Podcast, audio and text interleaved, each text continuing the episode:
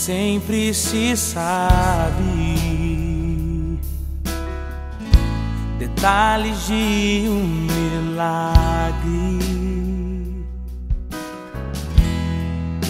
Mas eu vou contar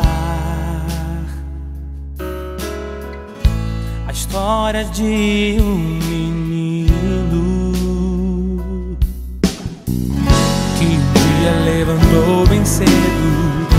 sua mãe lhe perguntou com medo: Aonde é que você vai?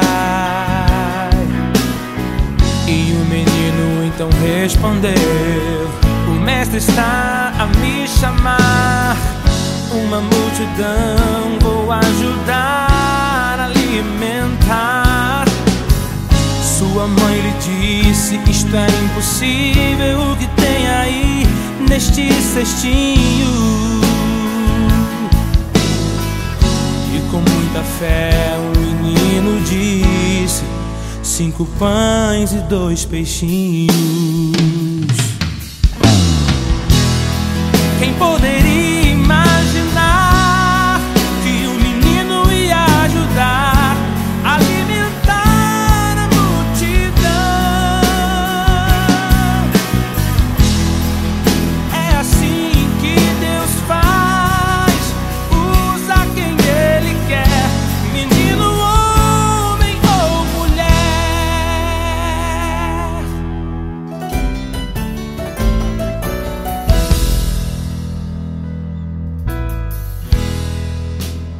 Posso imaginar.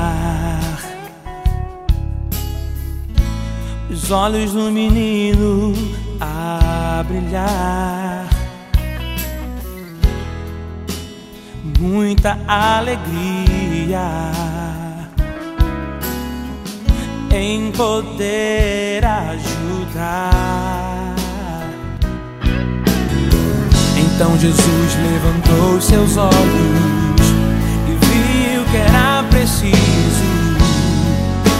manifestar o seu poder. E alimentou todos que tinham fome, e grande foi o milagre.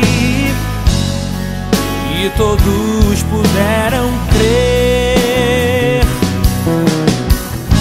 que com Jesus o pouco é muito, assim também creu aquele menino